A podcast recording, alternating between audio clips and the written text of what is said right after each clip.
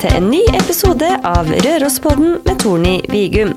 I Rørospodden så inviterer jeg ulike personer med tilknytning til Rørosregionen som har en unik historie å fortelle, som gjør at du som hører på kan bli inspirert av deres historie.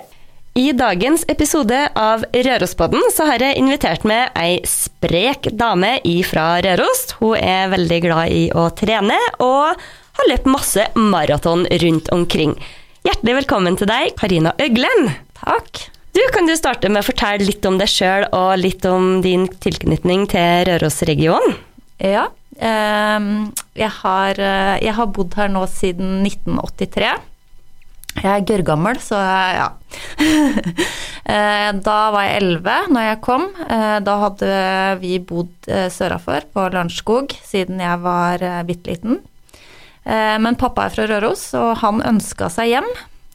Og så fikk han og mamma jobb, og da pakka vi eh, alle sakene våre og dro hit. Og siden så har jeg vært her, med unntak av når jeg har studert. Så bra, så du har vært med på litt sånn ufrivillig på lasset du da? Sånn tilfeldig at du havna på Røros? Ja, nå har jeg aner tilbake til 1700-tallet her oppe, så når folk sier eh, jeg tenker De hører dialekta mi, og så tenker de at nei, hun er ikke fra Røros, men jeg er rørosing. Jeg føler meg som rørosing 100% Det er bra. Eh, du er jo litt eh, i over gjennomsnittet glad i å trene og, og løpe, da. Det er jo det, det som du holder på med, det er jo òg jobben din. Um, og du har da sprunget mange løp og maraton. Når var det den her treningsinteressen og løpeinteressen starta, Karine? Um, det er egentlig litt sånn todelt, for jeg starta jo ikke å løpe før jeg var nesten ja, det er vel kanskje I 2011 begynte jeg vel egentlig å trene løping. Eh, da var jeg på avslutning av mastergraden min, og da fikk jeg brått litt mer tid. Ungene var blitt litt større, og jeg studerte ikke 50 ved siden av en 80% jobb. Så da fikk jeg tid til å begynne å løpe, og jeg har alltid vært litt sånn Jeg har tenkt at løping er noe for meg. Men eh, vi starta jo med å trene styrkeløft sammen. Eh, jeg kom inn i styrkeløftklubben, og var da jeg òg blei sammen med mannen min Henning. Eh, så, så, jeg har eh, Jeg starta vel med vekttrening, og det gjorde jeg når jeg var tidlig i 20-åra. Eh, og vi har vært med på NM i styrkeløft, og vi har gjort litt sånne ting. Og så, ja. Så løping kom seinere. Det er jo ikke så lenge siden 2011, da. Det er jo ikke så mange år siden det. Eh, nei, det er mulig det. Jeg føler liksom at det er veldig lenge siden. Men eh, det første løpet jeg var med på sånn ordentlig, det var eh, Birkebeinerløpet i 2011. Eh, og så løp jeg første halvmaraton og maraton i 2012. Eh, så ja. Mm. Blitt mange flere etter den tid? Eh, ja, jeg har prøvd å telle litt, og jeg tror jeg har fem helmaraton. Og så lurer jeg på om jeg har jeg lurer på om det er 14 eller 15 halvmaraton. Og så har jeg òg en del kortere løp, da. Eh, men jeg vet ikke helt om det stemmer, men sånn der omkring, da. Så mange runder med startnummer på brystet.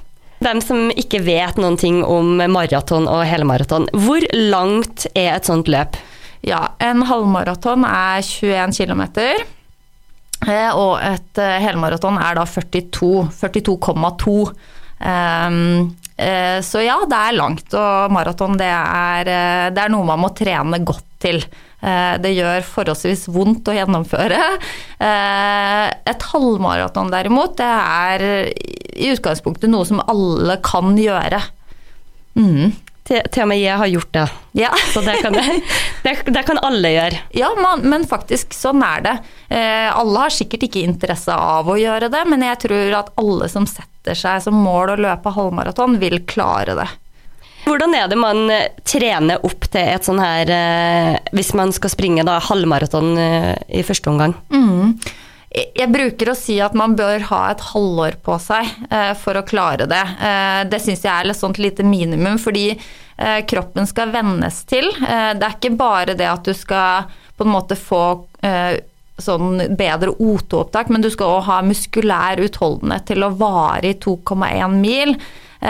fordi at jeg syns jo det Eller bruker å si at når folk skal gjennomføre et sånt løp, så skal det jo være litt gøy òg. Det kan ikke bare være vondt og da må du trene litt på forhånd.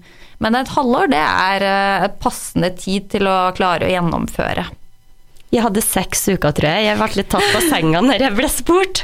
Ja. Jeg bare 'Vi har en billett over, så kan du ta den'. Selvfølgelig kan jeg gjøre det. Men det var veldig sporty av deg, Tony. Ja. Nei, det gikk veldig bra. Det gjorde det. Det var kjempeartig, og det var det viktigste. At jeg syntes det var veldig gøy. Ja, og det tror jeg liksom Det er litt sånn eh, Det jeg bruker å si til folk òg, er at eh, du kommer til å bli overraska over hvor stor mestringsfølelse du får når du gjennomfører noe med startnummer på brystet. Det trenger ikke være løping, altså. Det kan like gjerne være sykling eller triatlon eller skiløp eller hva altså hva som helst. Men, men, den følelsen du får når du passerer målstreken, den kan måle seg med lite annet, altså. Når du starta å, å, løpe da i 2011, mm. hadde du bestemt deg for at jeg skal springe helmaraton og jeg skal springe eh, halvmaraton? Mm. Ja, det hadde jeg. Det var målet ditt? Ja, det var det helt fra første tur, egentlig. Hvilket eh, løp var det du gjennomførte først? Du snakka om Birkebeineren, men eh, hvis du skal ta et helmaraton eller halvmaraton, da. Var det, når var det første halvmaraton? Ja, ja jeg, det første det var Jeg sprang høsten 2012 sprang jeg halvmaraton i Trondheim. Eh, for øvrig et veldig trivelig arrangement som jeg er veldig glad i, og jeg bruker å få med meg det hvert år. Enten som tilskuer og, og cheerleader, eller som deltaker. Eh, og så samme året så sprang jeg helmaraton i Oslo da tre uker seinere. Eh, og dem to løpa er fortsatt de beste tidene mine. Hvordan, eh, hva var tida di på den Nei, Jeg er egentlig ikke så veldig kjapp, skjønner du. Jeg er bare innmari seig. Så jeg har løpt halvmaraton på 1,44, og så har jeg løpt hel på ca. 3,50 da. Men hva er den største forskjellen på å gjennomføre et eh, halvmaraton og helmaraton, bortsett fra distansen, det er jo den som er største, men sånn utfordringsmessig sett? Ja, det blir jo den her muskulære utholdenheten, da. Det er jo eh, vanvittig påkjenning for kroppen å, å, springe på asfalt i 42 km. Eh, slaga og den her jevne muskulære påvirkninga er veldig, veldig stor på, på helmaraton. Og så og så ettersom man skal holde på såpass lenge, i hvert fall vi mosjonister som bruker lang tid, vi, vi, eh, eh, vi må rett og slett liksom eh, Vi kan ikke løpe så fort, fordi at da varer vi jo ikke. Eh, du kan ikke ligge altfor høyt i puls og sånn, så du må belage deg på ganske lang gjennomføringstid. Og da har man jo den der berømte veggen som veldig mange møter, og den møter man gjerne rett etter 30 km, og da er det jo en mil igjen. Eh, og da må du jobbe veldig mye mentalt for å gjennomføre den siste mila. For den er vond. Hvordan kan man forberede seg på det? Den siste mila, da? Eller hvordan forberedte du deg på den mentale biten? Um, den mentale eh, jobben med å gjennomføre lange løp er kanskje en av de tingene jeg er best på, tror jeg. Fordi at jeg har en veldig sånn stor evne til å blokkere ut tanker og bare løpe. Um, og det oppdaga jeg ganske tidlig når jeg begynte å løpe, at jeg har et godt konkurransehode, da. Så øh, det handler eh, om å finne seg For meg så handler det om å finne seg et mantra, nesten. Og så bare gjenta det i én mil. Gjenta et mantra i én mil. Hva mm. kan det være, f.eks.? Um, når jeg løp første maratonet mitt, så var det 'du skal ikke gå'. Du skal ikke gå. Så gjentok jeg det da i den ja, ca. ni kilometer som jeg hadde igjen når jeg møtte den der berømmelige veggen. da. Hvordan var det å komme i mål da?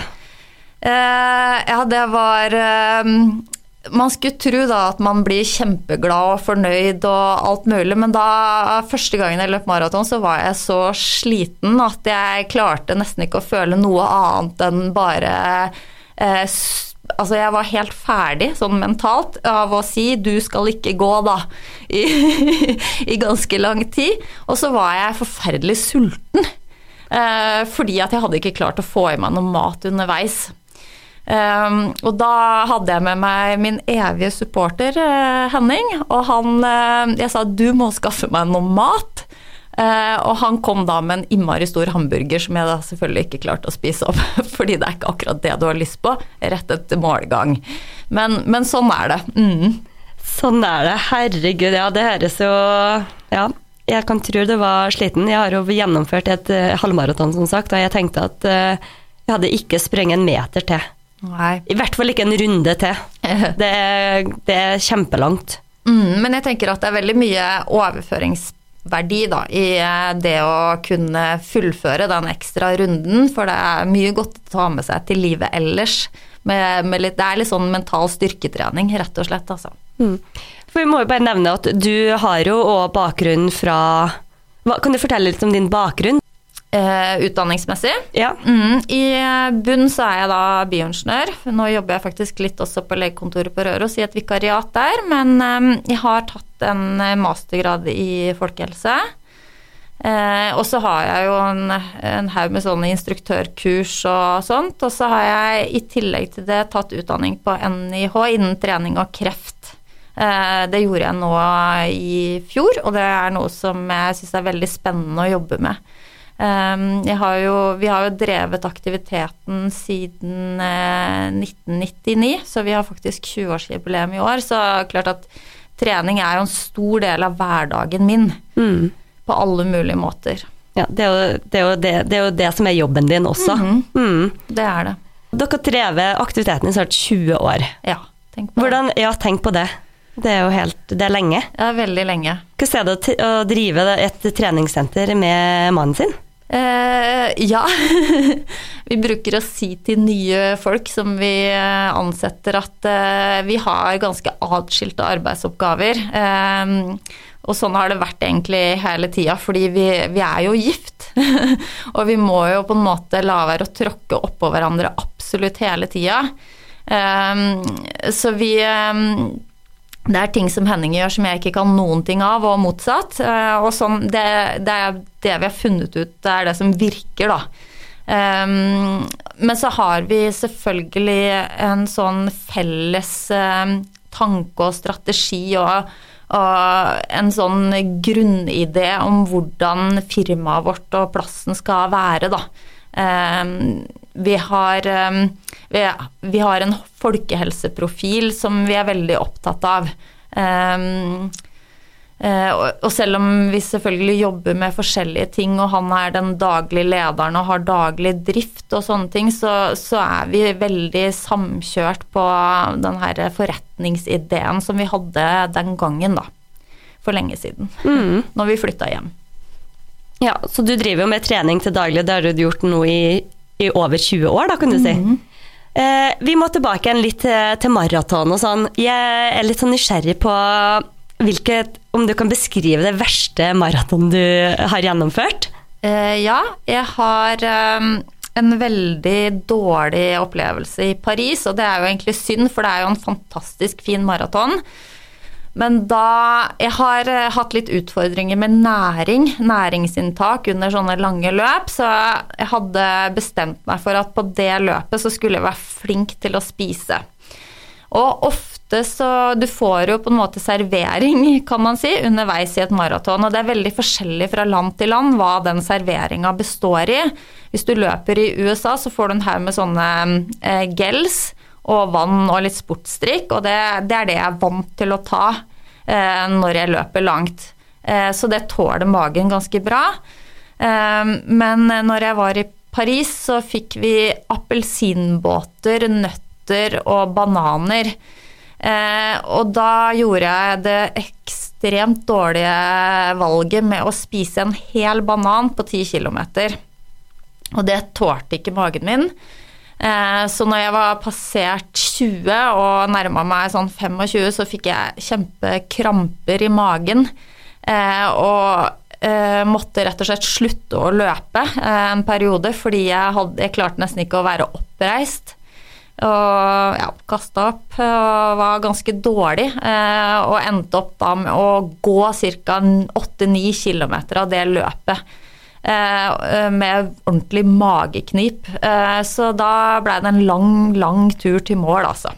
Men du kom deg i mål? Jeg gir meg som regel aldri. Jeg har gitt meg bare én gang på et løp. Eh, Hva var årsaken til at du ga det da, siden du ikke ville gi det sjøl med magekrampe og oppkast og det hele? Um, ja, da jeg var eh, for Det er ikke så lenge siden, jo det er kanskje det, tre år siden, så var jeg i eh, København og skulle løpe helmaraton der. Um, og da var jeg ute på restaurant dagen før og spiste sushi. Det må dere ikke gjøre hvis dere skal løpe maraton dagen etterpå. Eh, for den sushien var rett og slett ikke helt bra.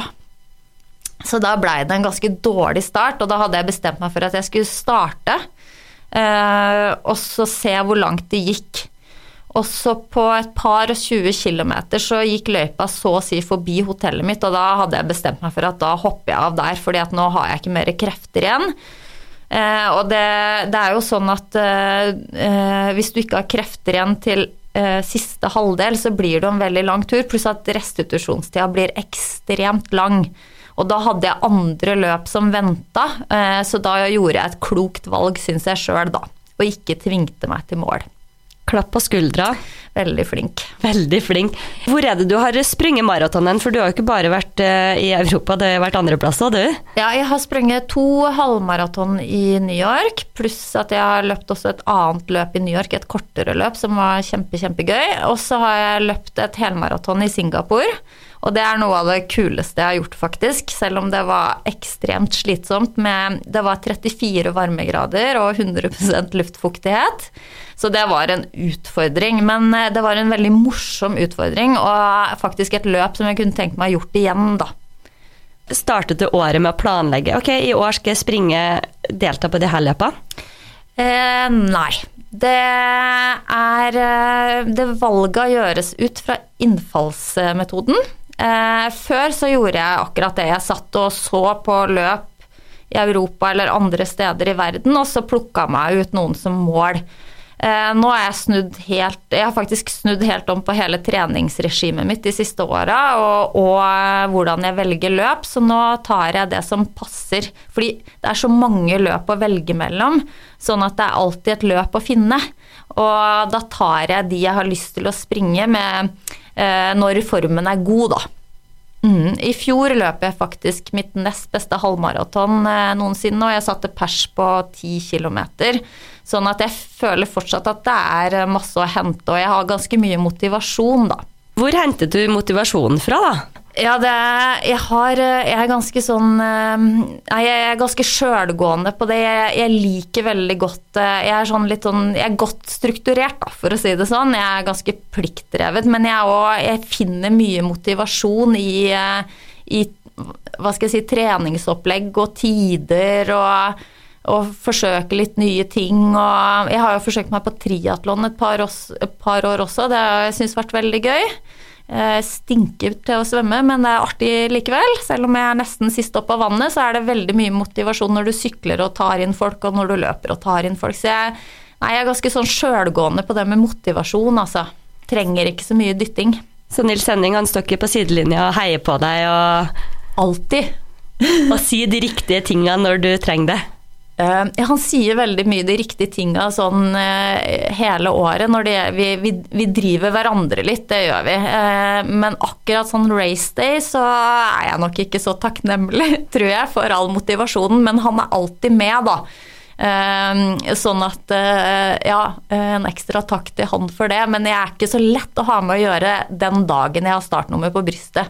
Jeg blir forferdelig inneslutta og stille og i bobla mi før start, da. Så jeg, jeg er ikke, da er jeg ikke snakksalig i det hele tatt. Men han er der som støtte uansett, og det er jo det viktigste. Ja, og så prater han forferdelig mye, da, så da blir jeg litt irritert. Men jeg er evig takknemlig for at han alltid er der, da. Hvordan er det du legger opp et, eh, et løp? Eh, det spørs eh, hvor langt det er jeg har, jeg har um, veldig mange planer før jeg starter, og jeg tror til dags dato at jeg fulgte bare én gang uh, på alle de startene, fordi at du det er, veldig, det er, veldig, vanskelig å planlegge. Du kan ha en idé, men, men, uh, men dagsform og løype og, og forhold bestemmer jo alt, så ja. Det er ikke alltid like lett å følge planen, men jeg tror det er viktig å ha en plan likevel, da. Hvordan får du tak i med deg væske og, og mat underveis? Har du med det, eller er det sånn at du må ta det som er underveis i løypa? Ja, det er begge deler. Mm, når jeg sprang i Singapore, så mm, med den høye luftfuktigheten og, og temperaturen, så sprang jeg med drikkesekk.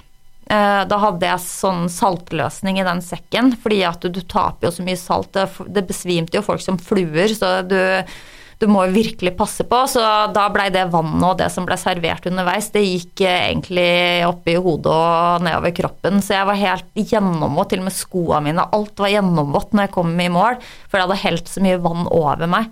Eh, men da hadde jeg med egen drikke, da.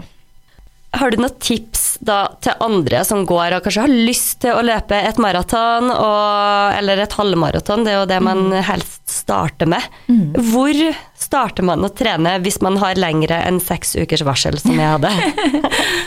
Um, nei, det er uh, Altså, jeg, jeg, mener jo, jeg mener jo på ingen måte at alle må drive med løping. Man må jo finne sin greie, og det er kjempeviktig. Men hvis du er nysgjerrig på løping og tenker at du kunne tenkt deg å fullføre et sånt løp, så, så er mitt tips at du begynner litt i det små. Eh, klassikeren er vel at folk eh, begynner for tøft, og så blir de ofte skada, og så blir det ingenting av noen ting. Og så må de selge startnummeret sitt som de kjøpte seg i all iver. Eh, så, så lyktestolpeprinsippet er liksom den beste løsninga, syns jeg. Det, hvis, du, hvis, du, har det, Altså, lyktestolpen kan være mental eller fysisk. Eh, og da løper man til en lyktestolpe, og så går man til neste, og så fortsetter man sånn til man har økt til det dobbelte.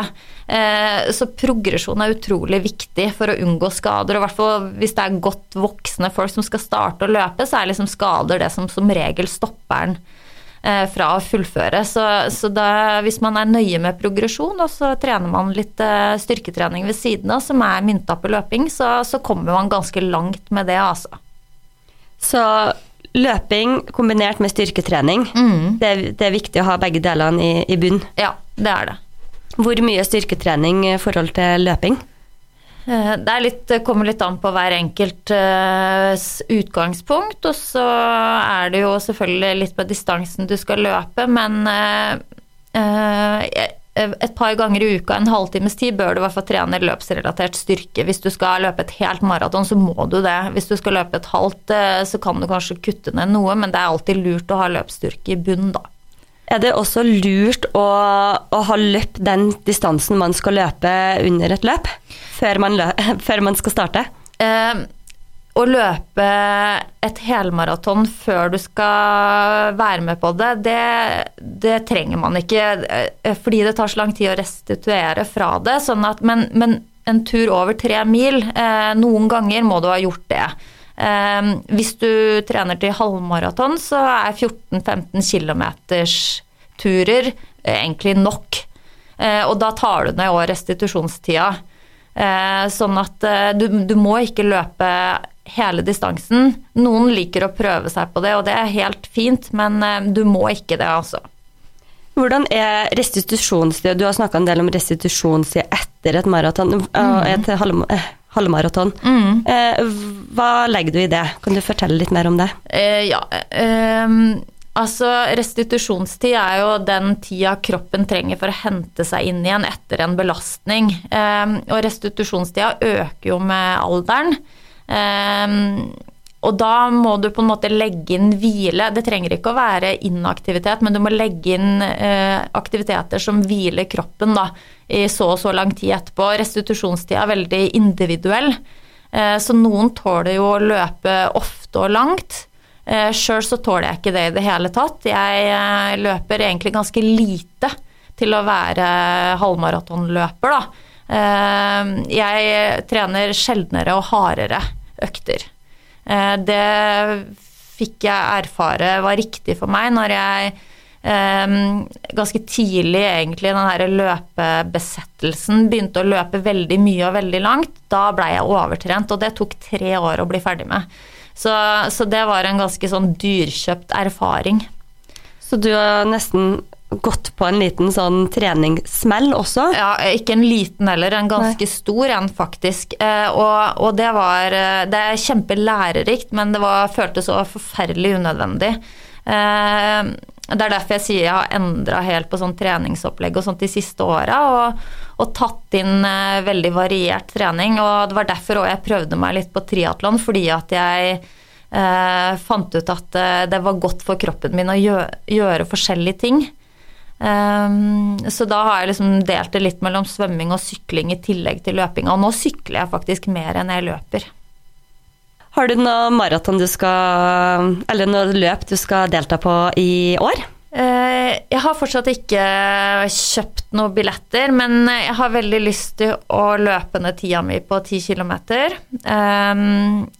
Jeg eh, gjorde en helt ok innsats i Trondheim Maraton i fjor på 10 km, som jeg tenker har potensial til å løpe ned, og målet er å løpe under 45, da.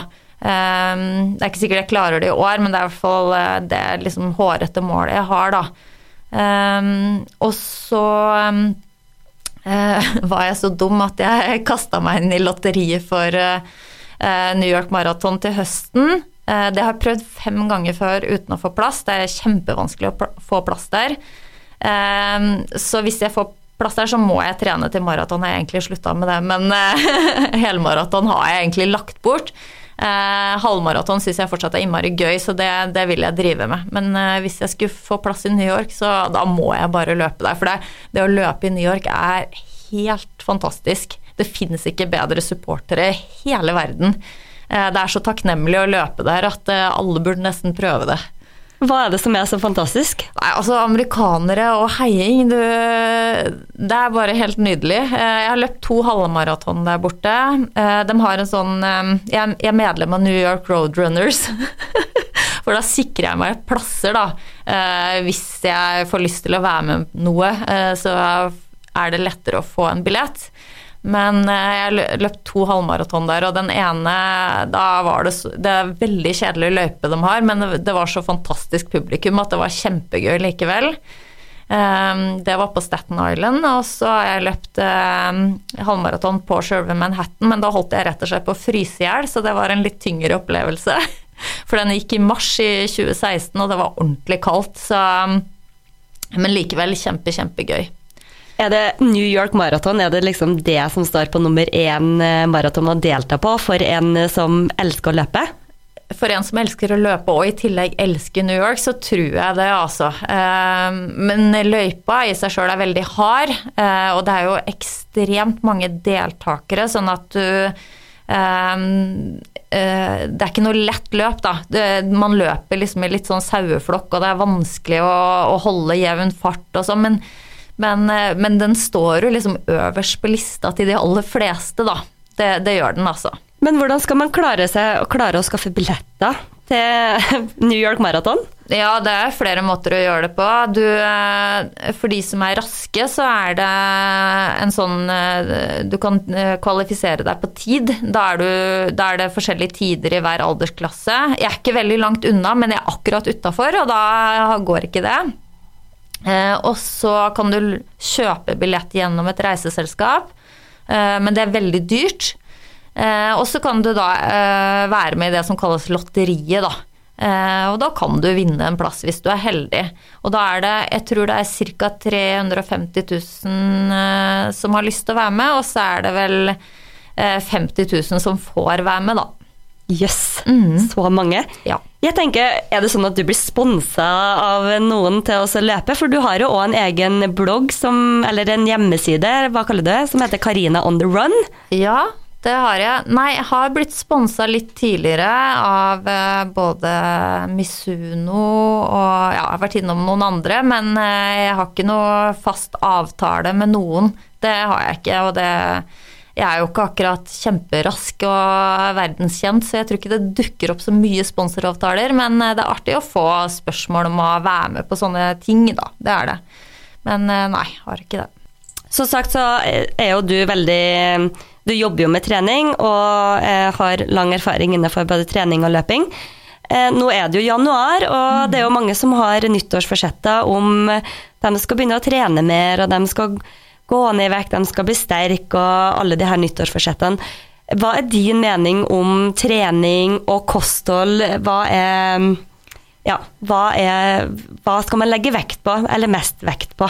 Ja, nå har det jo vært en eh, stor debatt om det her at trening ikke virker, og det er bare kosthold for å gå ned i vekt. Og ja, eh, man må jo legge om kostholdet for å gå ned i vekt, selvfølgelig. Og man opererer med sånn 20 eh, trening, 80% kosthold, 70-30 og alt det der. Men, men altså Oppskriften er kjempeenkel og likevel vanskelig, sant. Man må jo da forbrenne mer enn man man spiser og sånn. Men jeg, jeg har ikke sånn kjempetro på bare nyttårsforsetter. Jeg tror man må ha en litt mer sånn eh, helhetlig tanke om at eh, aktivitet eh, er noe man forplikter seg til for livet. Og, når det gjelder vekt, så er det jo ja, kosthold er viktig, men, men vi skal jo likevel være i god form til å mestre hverdagslivet vårt, og da må du jo bevege deg. Eh, sånn er det. Eh, og jeg er egentlig veldig glad i hverdagsaktivitet, altså det å ta beina fatt og, å komme seg ut på tur, skitur, sparktur. Altså det å bruke kroppen ikke bare til sånn tradisjonell trening, men, men ha aktivitet som sånn førstevalg, da. Eh, og da tror jeg at det på en måte gjør at du velger å være mer og mer aktiv, rett og slett. Så Eh, løsninga er på en måte enkel, men likevel vanskelig da, for mange. Eh, så tror jeg at det her med kosthold, det er eh, ja, det er kanskje underkommunisert, har vært tidligere, at, at, det har en veldig, veldig viktig innvirkning selvfølgelig på vekt. Men, men jeg tror ikke at bare den ene holder, da. Du, du må liksom ha litt av begge. ja. Mm. Kan du fortelle òg litt om eh, det som du Du har tatt en videreutdannelse innenfor kreft og trening. Mm -hmm. Hva er det for noe Hva kan du si om det? Ja, det er et kjempespennende tema, da, fordi eh, eh flere og flere av oss får faktisk kreft, og tallene ligger jo på over 30% og det er jo sånn at eh, med eh, flere eldre så vil, jo, vil jo tallene øke. Eh, men nå flere yngre får kreft. Og det er gode prognoser på behandling nå kontra tidligere. Dvs. Si at vi får flere overlevere. Og de eh, skal tilbake i jobb og tilbake til livet sitt og, og sliter med en del senskader. Og disse senskadene har på en måte vært fokuset for den utdanninga jeg har tatt. Um, og det har vært en veldig bra utdanning uh, på idrettshøyskolen i samarbeid med Oslo, Oslo universitetssykehus. Hvor fokuset rett og slett er å få mer trening inn i kreftbehandlinga. Uh, for man ser at det har en veldig positiv effekt. Uh, for når man får behandling og man er passiv, så mister man mye muskelmasse, og så blir man sykere. Og det tar lengre tid å komme seg. Eh, så nå har det vært gjort en god del forskning de siste åra på, på, trening og kreft som viser veldig gode resultater. Og da begynner man gjerne med trening eh, faktisk under behandling. Selv om hovedfokuset ligger etterpå, så, så er det mange som starter eh, under behandling. Og da har vi jo sånn som pusterom på sykehus og Vardesenter, hvor det går an å komme og trene når du er under behandling på sykehuset. Um, så det er veldig mye å hente. Og samfunnsøkonomisk så må man jo tenke at mange av dem skal som sagt tilbake til jobb og liv, og da er jo raskere jo bedre, både for eh, pasienten og for samfunnet, da. Mm, veldig, veldig spennende. Er det all slags type av kreft som du, som ja. du jobb, kan jobbe med? Ja, mm. det er det. Uh, men selvfølgelig, det er jo sånn hver uh, eh, pasient har jo sin historie og, og, og sin behandling og, og, sitt liv, sånn at man møter jo de, de, pasientene på samme måte som man bruker, eh, møter andre PT-kunder. Så man tar utgangspunkt i den, den, eh, den personen sitt ståsted, da. Eh, men altså fra tidligere trodde man at de eh, kreftpasientene burde holde seg i ro og, og, ikke gjøre så mye. Nå er det jo helt motsatt, og det er egentlig veldig trygt da, å trene med folk som har vært gjennom dette studiet som jeg har vært med på, fordi at vi har de siste forskningsresultatene og har fått god opplæring på idrettshøyskolen i akkurat det, da. Mm. Så det, det syns jeg faktisk er noe av det mest spennende som jeg gjør nå for tida, er å jobbe med, med folk som har vært gjennom kreftbehandling. Og det er innmari Altså, jeg er innmari glad i folk, da. Så det er kjempespennende å jobbe med folk som har har på en måte kanskje hilst litt på døden, eller har gjort seg noen store betraktninger over livet og døden, og, og fått et litt annet perspektiv på livet sitt, da. Kjempefint at du har den kompetansen å, å tilby, tenker jeg, på Røros og rundt omkring i regionen.